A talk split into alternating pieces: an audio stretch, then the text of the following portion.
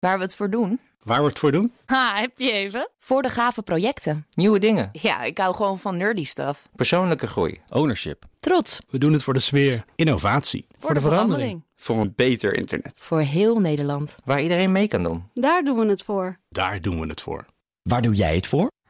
Kom werken voor KPN en groei op jouw manier. Check de actuele vacatures op het gebied van data, security, development en networking op jobs.kpn.com/tech. Wetenschap vandaag. Het klinkt misschien ongeloofwaardig, maar onderzoekers denken dat, ze, dat de zon mogelijk een belangrijke bron is geweest voor het water dat nu op aarde te vinden is.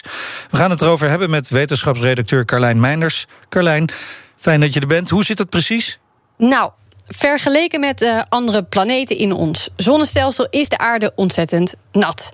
Meer dan 70% van het oppervlakte van onze planeet bestaat uit water. Zo'n uh, 97% daarvan is zout en vind je in de oceanen. De rest grondwater, ijswater in de lucht en zoetwater in rivieren en meren.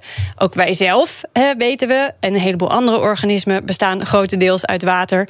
Maar waar al dat water nou oorspronkelijk vandaan komt, dat is nogal een mysterie. Ja, maar daar waren wel theorieën over, toch? Ja, zeker. Onderzoeker Luke Daly, betrokken bij dit nieuwe onderzoek, vertelt iets over de plek waar de aarde ooit is ontstaan. Dat was een hele warme plek, dicht bij de zon. En hij zit overigens in een lab.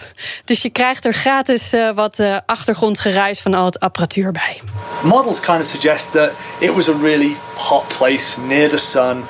And so all the water that was in that part of our solar system at that point was vaporized into a gas and blown out into the outer solar system. So Earth should have accreted or formed from a lot of very, very dry material. Er werd daarom al gedacht dat water pas na het ontstaan van de aarde hierheen is gekomen.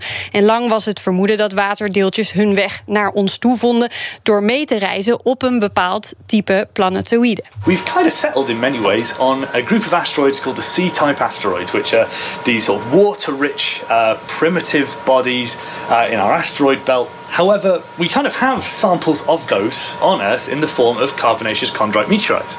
And when we measure the water content of those meteorites, it's close but not an exact match of Earth's oceans. Ja, dit type, C-type planetoïde komt dus het meest voor.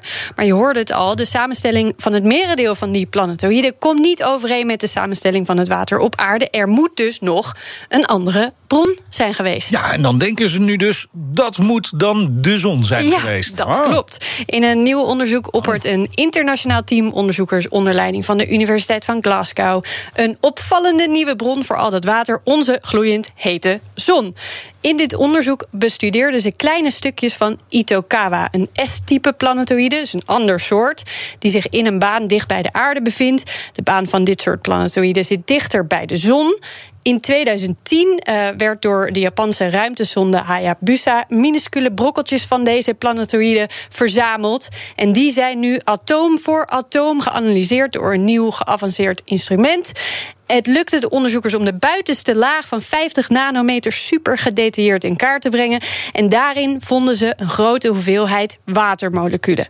Zou je van deze korreltjes een kubieke meter rots maken en je zou deze smelten, dan zou je 20 liter water overhouden. En dat is heel erg veel. Ja, rots smelten en dan water. Oké, okay, ik volg het. Maar wat heeft de zon hiermee te maken gehad? Nou, het idee is nu dat die watermoleculen daar zijn gekomen dankzij zonnewind. Ah.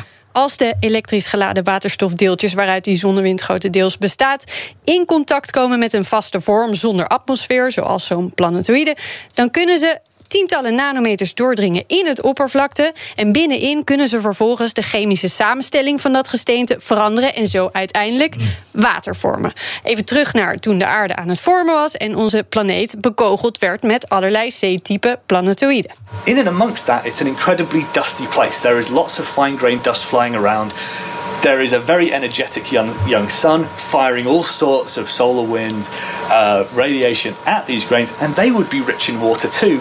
And they're going to fall onto the earth. En samen met die planetoïden zouden ze dus de basis hebben gevormd voor het water in onze oceaan. Nou, mysterie opgelost. Ja, dat denken ze hiermee inderdaad te hebben gedaan. Ze hebben ook een heleboel onderzoekers van andere universiteiten gevraagd om mee te kijken, om ook metingen te doen, mee te denken. Dus ze zijn niet zomaar tot deze conclusie gekomen. En nou is het zo dat ze denken dat dit niet alleen een interessante theorie voor het ontstaan van water op aarde is. Het zou ook nog astronauten kunnen gaan helpen. Genoeg water hebben tijdens ruimtereizen is een hele grote uitdaging natuurlijk. Misschien kunnen ze op plekken ver weg van de aarde uit het stof dat ze daar vinden een extra voorraadje drinkbaar water. Zo, Jee. dat zou fantastisch Ja. zijn. Ja, Doorbraak. ja, vind ik wel. Hoor je Ja. zomaar hier bij BNR. Dankjewel, hier. Carlijn. Ook Harm Edens vind je in de BNR-app. Je kunt BNR Duurzaam niet alleen live luisteren in de app, maar ook terugluisteren als podcast, zoals al onze podcasts. En naast dat de BNR-app Breaking News meldt, houden we je ook op de hoogte van het laatste zakelijke nieuws. Download nu de gratis BNR-app en blijf scherp.